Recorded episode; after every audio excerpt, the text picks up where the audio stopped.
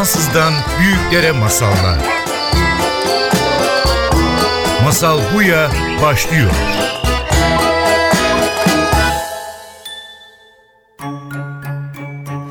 Evet, Masal Buya başlıyor ve bugün bizim konuğumuz Nefrim Tokyay.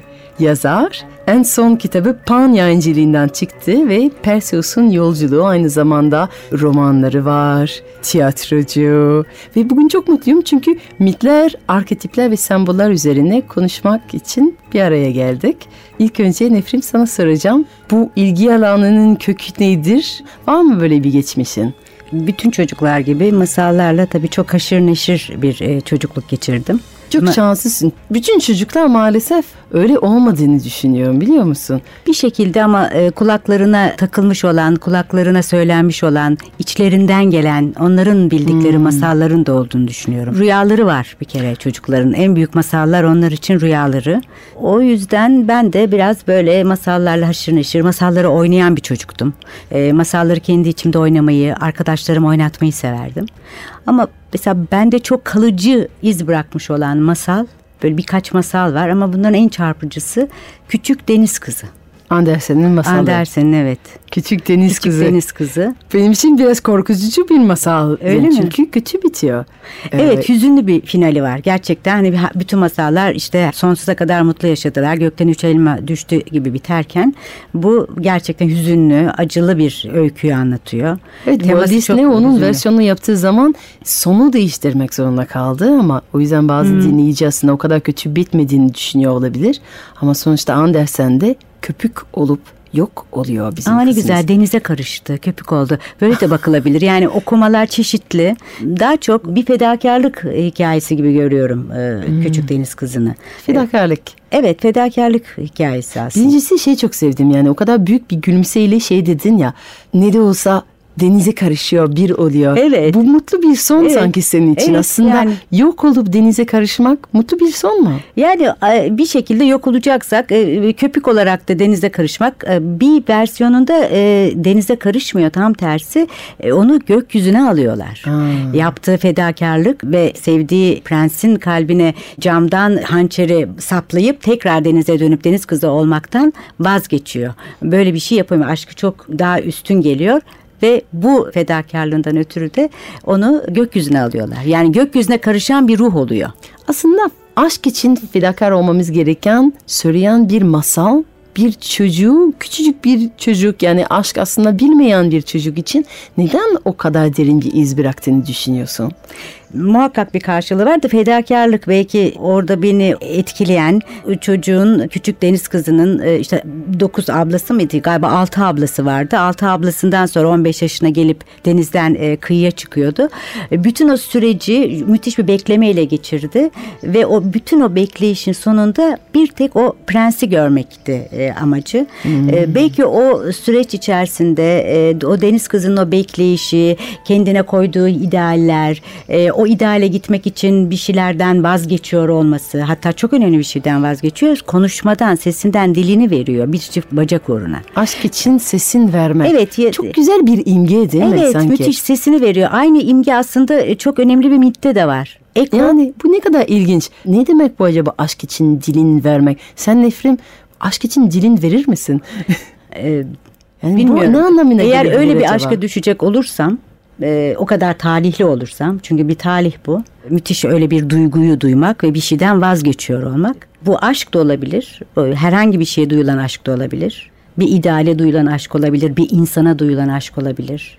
Onun için Verilebilir. yapılır evet diyorsun, verilebilir. verilebilir. Verilebilir. Verilebilir. Çünkü böyle olmasaydı bir, bir şey uğruna bir şeyler verilmemiş olsaydı ne uygarlıklar kurulabilirdi. Ne insanlar bu kadar gelişebilirdi. Bir Ruhsal erişmek geç- için bir şeye erişmek için bir şey, feda vermek ediliyor. lazım. Bir şey feda Yani etmek nitekim lazım. biz büyürken de bir şeyleri feda ediyoruz. Hmm. Yani bir çocukluktan çıkıp ergenlikten geçip yetişkin olmanın süreci de bir şeyleri feda etmekten geçiyor. Ve bu Eko benzer bir hikaye. Aynı neredeyse. Eko'da bir nimfe, orman perisi, tanrıça Hera'nın baş tanrı, Olimpos'un baş tanrısı. Mutsuz karısı. Karısı evet hep devamlı aldatılan karısı tarafından yine Zeus nedeniyle Zeus'un e, çapkınlıklarını sakladığı için cezalandırılıyor. Konuşmamak üzere. Yani sadece e, karşısındaki kişinin son sözlerini tekrarlayabiliyor. Çok ilginç bir ceza. Çok, Çok ne kadar yaratıcı bir ceza. Müthiş Artık yani müthiş. İnge. Konuşamayacaksın demiyor. Artık söylediğin her şey sadece başka bir insanın yansıtması olacak. Evet aynen onun ekosu olacaksın son sözlerini sadece. Son sözleri. yankı. Eko E, yankı e, demek. Evet yankı demek. Eko yankı demek ve zaten e, Narkisos'a rastlıyor. Narkisos da kimselerle ilişkisi olmayan sadece kendiyle ilgili olan bir genç ve Narkisos'un işte bir deniz tanrısının e, oğlu E, ve ona diyorlar ki bir kehaneti var ancak kendini görmezse yaşayabilir. Yoksa kendini gördüğü anda ölecek deniyor. Onun için hiçbir şekilde o kendini görmeden yaşatılıyor yetişkin dönemine kadar. Bu arada işte ormanda Eko Narkisos'u görüyor ve Narkisos'a aşık oluyor. Ama Narkisos kimseleri görmediği için ve kimseleri de sevmediği için e, pek ilgilenmiyor kızla ve kız da derdini anlatamıyor. Çünkü sadece e, onun son sözlerini tekrarlıyor. Ay, gel güzel. diyor gel diyor. E, kimsin diyor kimsin diyor. E, ne istiyorsun ne istiyorsun diyor. Bir türlü anlaşamıyorlar. Trajik bir final oluyor sonuçta. Çünkü Eko aşkını söyleyemediği için aşkından eriye eriye eriye eriye yok oluyor ve dağlarda bir yankıya dönüşüyor. Aynı şey deniz kızı için de geçerli. Deniz kızı aşkını söyleyemiyor. Yani onu kurtaranın aslında prensi kurtaranın deniz kazasında kendisinin olduğunu söyleyemiyor ve yanlış bir evlilik yapıyor. Ve tekrar şey var. Aşkını söyleyemeyen eriyip doğa ile karışıyor. Çok güzel yani. Çok, güzel, müthiş. Ve ikinci imge de orada çok güzel. Bir çift bacak uğruna bunu veriyor. Ayakta durabilmek uğruna. Ayakta durabilmek. Ayakta durabilmek. Ayakta uğruna. durabilmek O ne kadar önemli. Çok e, etkileyici bir motif. Çünkü e, bilinmedik bir dünyada ayakta kalmak ve aşkını söyleyemeden ayakta kalmak. Evet. e, ayakların üstünde dik durabilmek. Evet. e, bütün o e, acıya rağmen çok şiddetli acılar çekiyor çünkü. Her adım attığında müthiş acılar çekeceksin diyor büyücü ona. E, bir çift bacağın olacak ama acılarla yürüyeceksin diyor. Ve bu e, bütün acılara katlanıyor. Şey için. Ama bir ilginç bir ikileme. Ayakta durmak bir güç. Bir Yani güç. Kendimiz için hayatımızda ama sesimiz de bir güç. Yani Evet. kendini ifade edebilmek de bir güç. Ve bunun ikisinin arasında bir tercih yapabilmek gerekiyor. Ya kendini ifade edebilecek ya kendin ayaklarında durabileceksin. Hangisi gerçekten sana istediğin aşkı elde etmeye yardım edecek? İlginç bir soru soruyor aslında bize bu masal. Evet. Evet. Ve sen bu masallarla çocukken yola çıkarak geldin şimdi. Perseus'un yolculuğu aslında e, bizleri İstanbul'da ve belki başka şehirlerde insanlara mitolojiyle hayatımızı okumaya çağırıyorsun. Mitolojik hikayeleri kendi hayatımızı okumaya yardım ediyor ama. Evet böyle bir küçük atölye yapıyoruz. Aslında çok güzel ifade ettin Judith. İçimizde bir mitoloji var, e, dışımızda bir mitoloji var. Öykülerle aslında hayatı tanımlıyoruz ve e, yüzyıllardan beri de bu böyle. Yani zaten mit dediğimiz şey öykü demek. Yani yüzyıllar öncesinin öyküsü. Bugün de günümüzde de bir takım öyküler var. Biz birbirimizle öyküler yoluyla anlaşıyoruz aslında.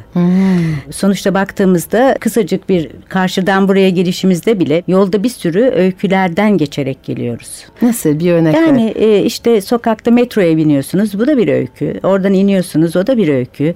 Derken yolda bir şey oluyor bir olay oluyor. Ona ait sizin bir bakışınız var. Oradan geçenlerin bir başka bakışı var. Bütün bunlar aslında ortak bir olaya karşı bizim bakışlarımızla başka bir öykü de dokunuyor bu anda. Ama bazen aslında bir ülke içinde yaşadığımızın farkındalığından kopuyoruz. Evet. Yani aslında sanki hayat kalk, dişlerin fırçala, metroya bin, işe git, fatura öde, eve gel, yemek pişir, ye yat gibi bir sıradanlıktan ibaret. Acaba bu eski mitolojik öyküleri bize hayatımıza farklı bir bakış kazandırabilir mi? Biz de bir tıpkı Perseus gibi kimilerimiz, kimilerimiz başka bir şekilde Psike gibi ya da e, Medea gibi ya da bir başka e, daha da trajik bir kahraman gibi bir yola çıkıyoruz. Herkesin bir hikayesi var. En sıradan hikayenin bile bence hayat hikayesinin bile arkasında birbirimize anlatmadığımız belki kendimizin de belki de farkında olmadığı başka hikayeler de var. Yani biz atalarımızın hikayesiyle birlikte gidiyoruz. Yani Perseus'tan bahset biraz bana. Perseus bir ana oğul hikayesi aslında. Yani bütün anaların oğullarıyla olan ilişkisi ve bütün oğulların da annelerinden gitme öyküsü. Ancak bir erkek annelerinden koparsa yetişkin olup büyüyebiliyor. Yani kendi Bir kaderlerini. ayrılma hikayesi. Tabii bir ayrılma hikayesi. Ama o süreç içerisinde bir dizi sınavdan geçmesi gerekiyor erkek olabilmesi için, yetişkin olabilmesi için, kendini tanıyabilmesi, yani kendi kaderini yazabilmesi, kariyerini belirleyebilmesi için bir yolculuğa çıkması gerekiyor. İşte tıpkı Perseus gibi. Hani burada e, alacakaranlık mağarasına gidip e, grilere giriyor. Burada da işte bir takım plazalara gidiyor. Plazalarda başka bir sınavlardan geçerek e, o işe giriyor ve o işte yükselmesi için de e, başka bir meduzanın kafasını kesmesi gerekiyor. Yani kendi gölgesinden, kendi e, hayatındaki canavarlardan, kendi sırtındaki bazı yüklerden kurtulabilmesi için e, bu tür dışarıdaki bazı canavarlarla baş etmesi gerekiyor. Canavarlar ya dışarıdan canavarlar ya da sizin yarattığınız canavarlar sonuçta. Bizim yarattığımız canavarlar. Bir nevi biraz de üniversiteye giden bir genç hikayesine Aynen benzetiliyor. öyle. Ya da üniversite bitirdikten sonra işte e, hayata çıkan, bir takım iş başvurularında bulunan, e, bazılarında ona rehberlerin yardımcı olduğu, mesela Hermes ona yardımcı oluyor. Athena arkasında Perseus'un yolculuğunda. Burada da bazı Athenalar var arkamızda kimi zaman bize yardımcı olan. Eskiden mit anlatılırdı. Bu mitleri hayatımızda anlatılması insanların daha rahat, daha cesur adım atmasına yardım ediyor muydu diye merak ediyorum. Sence? Kesinlikle çünkü e, eski Yunanlılar sıkışık bir olayı ya da çözmeleri gereken bir sorunla karşılaştık mitlere başvururlarmış. O olayda kendilerini yerleştirebilecekleri mitlere e, başvurup o olayı onun üzerinden çözerlermiş. Yani Campbell falan bu tür durumlara değiniyor. Zaten geçmişin psikolojisi mitoloji aslında. Ben baktığımız Hindistan'a gittiğim zaman e, Ayurveda bir doktoru bana şey dedi. Bir insanın iyileşmesi için eskiden bir de bir masal verilirdi. Bir mit. Ve o hastaya baharat, bitki, masaj, hareket, nefesin yanı sıra da sen işte o hikayedeki kahraman olduğunu hayal et. Hani Hanuman var ya Hanuman'ın hazine çalmaya çalıştığı dönemi var ya sen bir süre bu hikayeyi her sabah kendine oku. Ve hasta kişi her sabah bu hikayeyi kendi kendisine söyleyerek aslında tekrarlayarak iyileşiyor. gerçekten doktor onu bir reçete gibi verirdi. Herhangi bir hikaye vermezdi.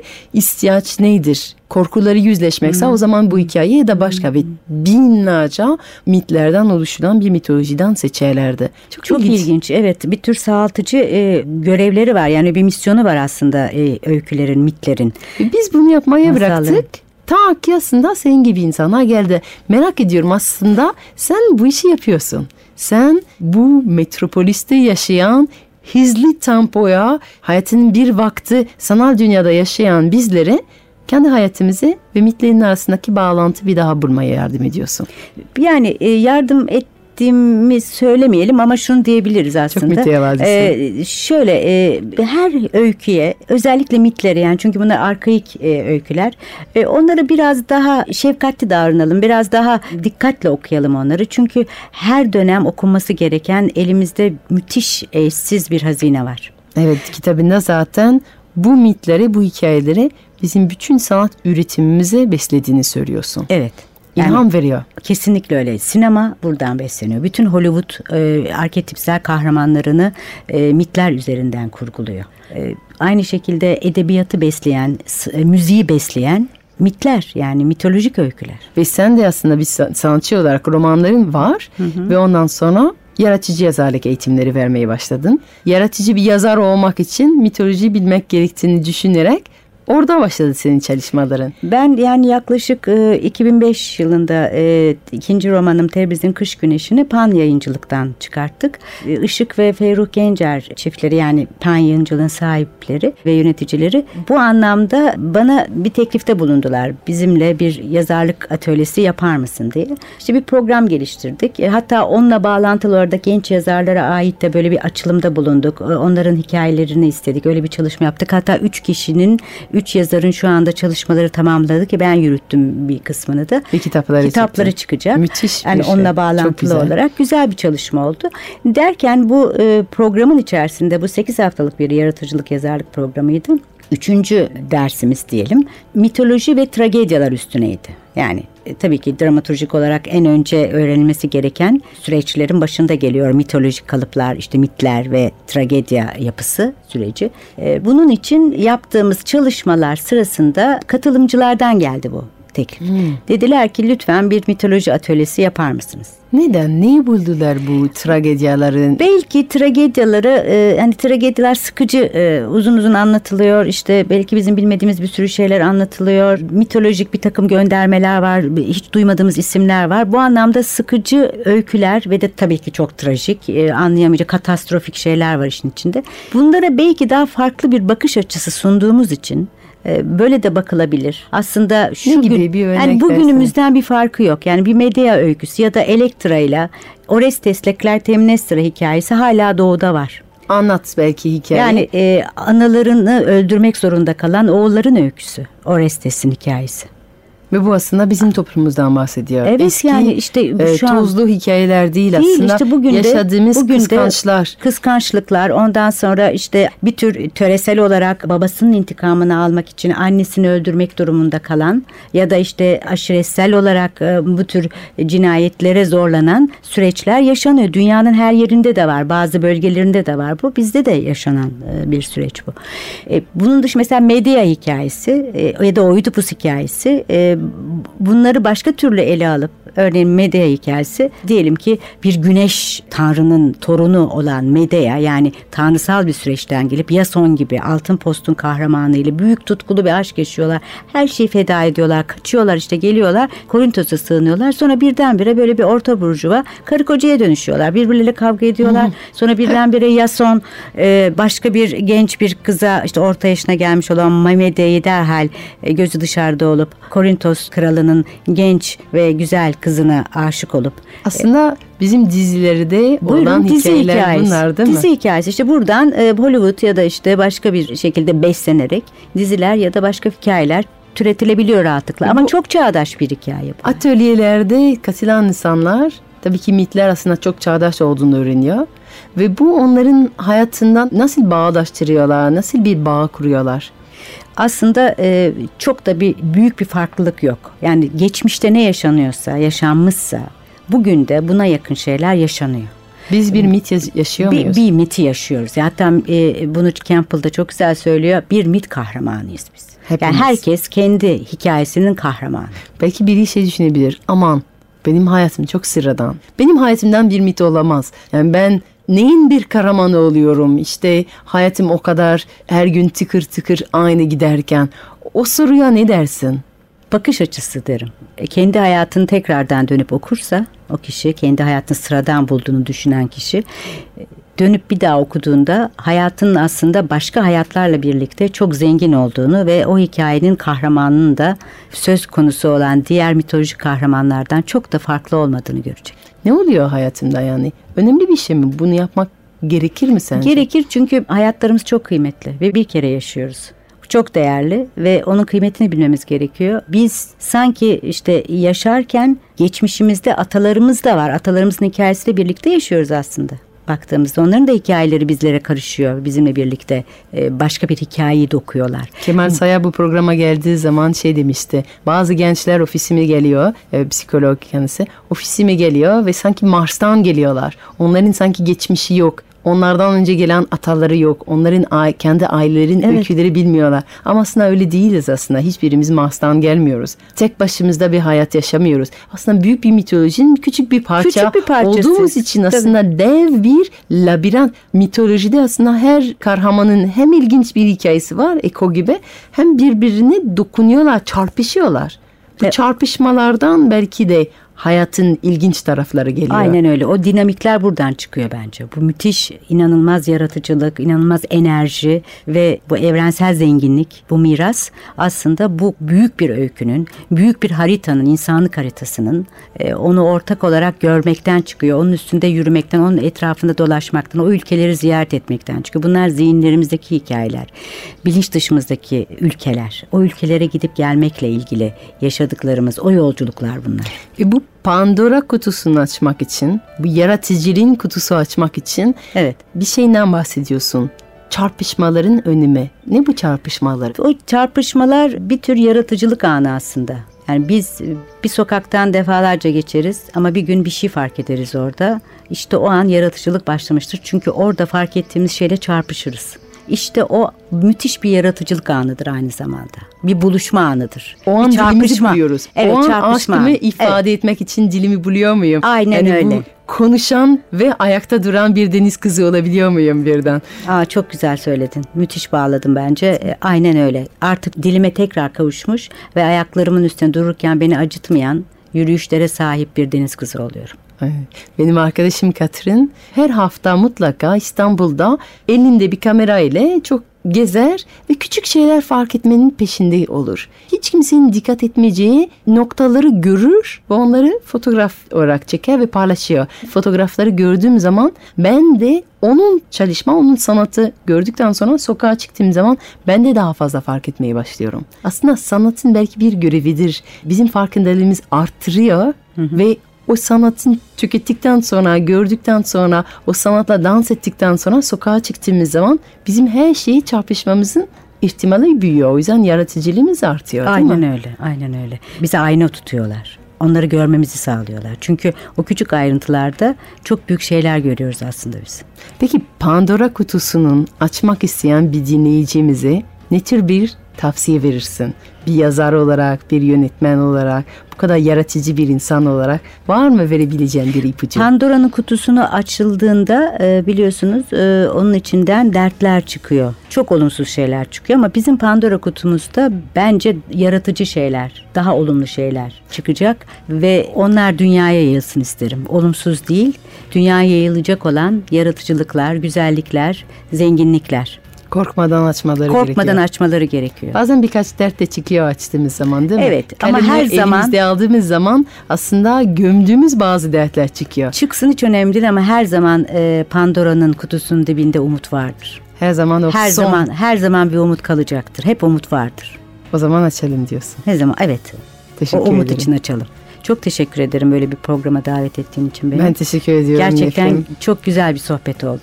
Çok teşekkür ederim. Masal Buya devam ediyor. Masal bu ya da masal zamanı başlıyor.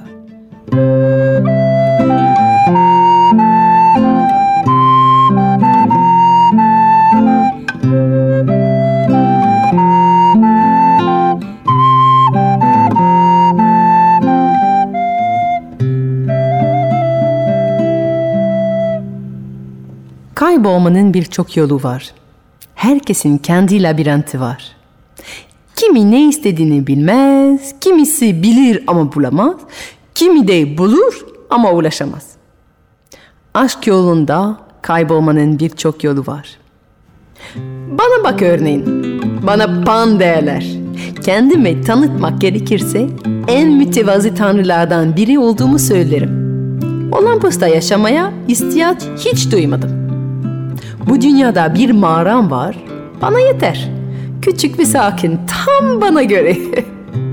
Günlerimi ovalarda, koyunlarım ve arılarımla geçiririm. Yalnızlığı severim. Ara ara çekilirim mağaramda. Ve yaklaşanlara bağırırım. en sevdiğim oyunlardan biri titreyen, koşan, korkak çobanları seyretmek. Panik. Onların titrek anı korkularına ismimi bile verdiler.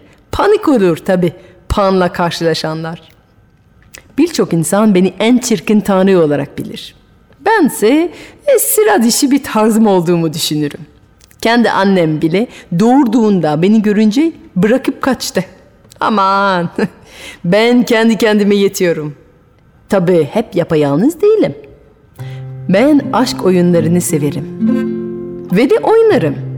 Kah kazanır, kah kaybederim o da ayrı. Ama oynamaktan vazgeçmem hiç. Bu hayattan çok keyif alırım. Bana sorarsan en büyük günah ağzına düşen bal damlasının tadını çıkartmamaktır. Bence hayatın sırrı akışla gitmektir. Bir örnek vereyim. Herkes flütümü bilir. Pan flütü. Ondan ne kadar çok keyif aldığımı anlatamam. Onu nasıl edindiğimi bilir misin? Bir zamanlar tam mağaramın önünde her gün gelip geçen güzeller güzeli bir su perisi fark ettim. Her gün onu bekliyor, her gün onu seyrediyorum. Gün be gün ona olan aşkım büyüyor. Geçerken ona şarkılar söylüyorum. Onu mağarama çağırıyorum. Ama genç kız yüzüme bakmıyor. Söyledim ya sana, çirkinliğim meşhur. Bir gün dayanamadım. Zaten kaybedecek bir şeyim yok. Mağaradan fırlayıp genç kızın peşinde koştum. O da beni görünce kaçtı. Koştum koştum peşinden. Haydi bir öpücük bir sarılma. izin ver dudaklarım tenine bir kere dokunsun güzelim. Cennette uçalım bir kerecik. Ama güzelim su perisi benden çok daha izli kaçtı. Suya gelince bir saza dönüşüp saklandı sazların arasında. Çağırdım, yalvardım. Sonra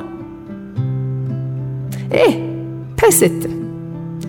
Kestim birkaç tane sazı, onları birbirine bağlayıp dudaklarımı onlara yaklaştırıp çalmaya başladım. Nefis bir ses çıktı.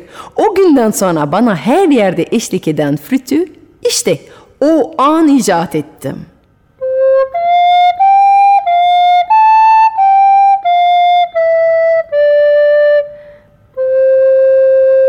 Bir öpüşük peşini koşarken nereden nereye öpücükten müziğe. Ama bana göre önemli olan hedefe ulaşmak değil, sadece yolunun keyfi çıkartmaktır. En güzel kavuşmalar kayboluşlarımızdan doğar. Ama benim gibi düşünen pek kimse yok biliyor musun? Yo, etrafa bakınca insanlar, tanrılar hepsi kendilerine seçtikleri hedeflere ulaşmak adına takılıp ölüp bitiyorlar, acı çekiyorlar. Size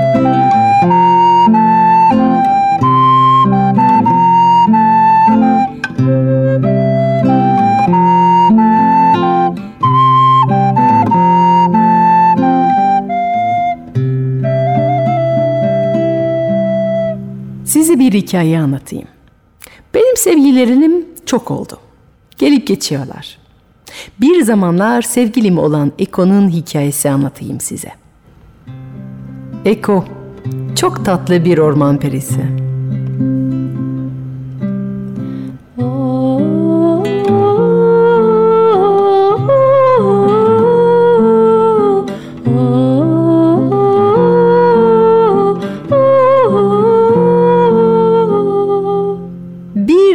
Tatlı olduğu kadar konuşkan. Allah'ım hiç susmaz cidden. Anlatır anlatır anlatır. Bir günde yine Juno çapkın kocası Zeus'un peşindeydi. O da her zaman gibi orman perilerine gitmişti. Onlarla ormanda oynuyordu. Juno deliye dönmüş dört dönüyor onu ararken işte o an Eko gitti onun yanına ve gevezelik yaparak onu oyalamaya başladı. Lak lak lak Zeus görünmeden kaçıyor lak lak lak. Orman perileri öteki tarafında toz olup kaçıyorlar. Akıllı zannetti kendisi Eko. Ama Juno aynı fikirde değildi. Eko'nun yaptığını anlayınca onu şöyle lanetledi. Eko, madem tatlı dilini beni kandırmak için kullanmaya tercih ettin, bugünden sonra hiç kimseyi kandırama diye kendine ait hiçbir söz söyleyemeyeceksin. Sadece insanların son kelimelerini tekrar edeceksin. Eko, Eko gibi. Bütün hayatında insanlarla sohbet ederek bağ kuran biri için bu oldukça ağır bir ceza oldu.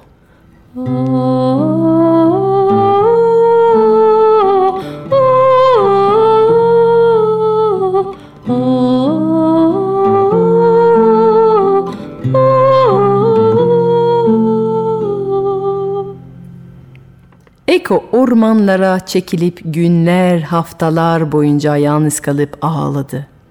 Ta ki Narsisüs hayatına girinceye kadar. Ah güzel, ah yakışıklı Narsisüs. Ama bir de o kadar kendini beğenmiş Narsisüs. Görebilseydi onun arkasında dizilen binlerce kırık kalbi uzak durur muydu Eko? Ama göremedi. Hiçbir şey göremedi. Narsisüs ile karşılaştıktan sonra Eko'nun gözü ondan başka hiçbir şey görmedi. Ama ona nasıl yaklaşacak? Onunla nasıl tanışacak? Konuşmadan onu nasıl baştan çıkartacak? Güzel konuşma kabiliyetine hep güvenen Eko, ağaçların arkasında Narsisüs'ü seyredip duruyordu. Ancak Narsisüs'ün son sözünü tekrar edebilirdi. Kendini yalnız zanneden Narsisüs ise sessizce bir ağacın altında oturup duruyordu. O zaman aklına bir fikir geldi. Ağaçların sallayıp vurup ses çıkarttı. Narsisüs şaşırıp bağırdı. Kim var burada? Eko sadece son kelimeyi tekrar edebilirdi ama bütün kalbiyle söyledi bu tek sözcüğü. Burada. Belki Narsisüs hissetti bu küçücük sözcüğün içindeki saklanan aşkı. Çünkü hemen cevap verdi. Gel. Eko da bütün kalbiyle gel diye cevap verdi. Beklediler ikisi de. Eko hala ağaçların arkasında saklanarak. Narsisüs merak etmeye başladı. Neden beni bekletiyorsun? Gel yanıma. Beraber vakit geçirelim. İşte Eko'nun beklediği an. Çıktı ağaçların arasından kolları açık. Vakit geçirelim diye tekrar etti. Ama Narsisüs kendisini doğru koşan orman perisi görünce şaşırıp geri çekildi. Merakla çağırdığı kişinin bir orman perisi olacağına hiç düşünmemişti. Hayır hayır ben seninle olamam. Geri dön geldin ormana doğru. Bana göre değilsin. Senle olacağıma ölmeyi tercih ederim. Onu duyan Eko'nun gözleri doldu. Kalbi kırıldı. Ama sadece tercih ederim diye tekrar edebildi. Ve dizlerin üstünde çöküp hızla ondan uzaklaşan Narsisüs'ü seyretti. Hep böyleydi ya. Narsisüs'e bütün kızlar aşık olurdu ama o hiç kimse beğenmiyordu. Sonunda bir tanrıça kırdığı bütün kalpler için onu cezalandırmaya karar verdi. Hak ettiği gibi.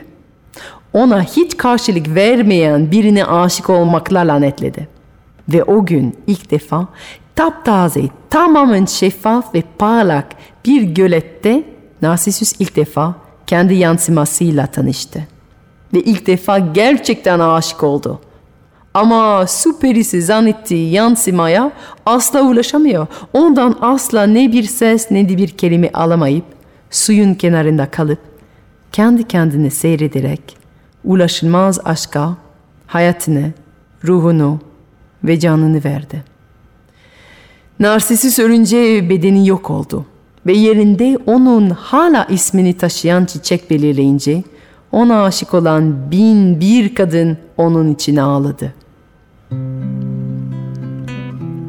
Eko ise dağlarda, ormanlarda haftalar, aylar boyunca onu özleyerek ağladı. Durmadan yürüdü, koştu, kendini kaybetti. Gün be gün öyle çok acı çekti ki içinde yanan ateşe teslim olup yanıp kür oldu. Bedeni eridi. Rüzgar nefesini alıp götürdü. Sadece sesi kaldı.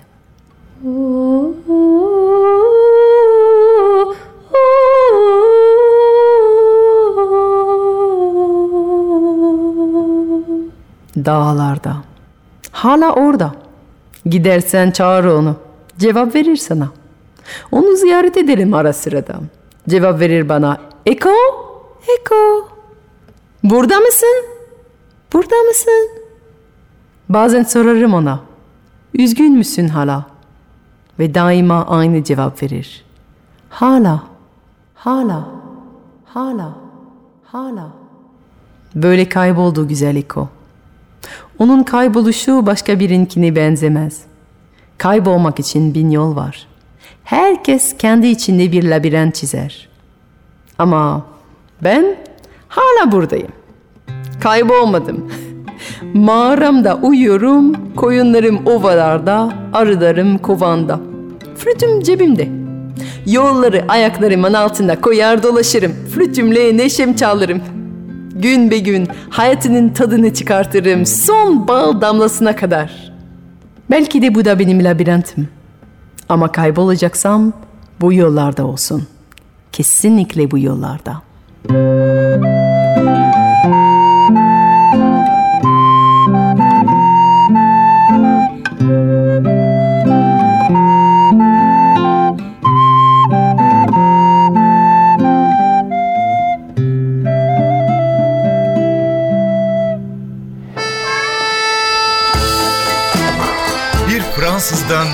Büyüklere masallar.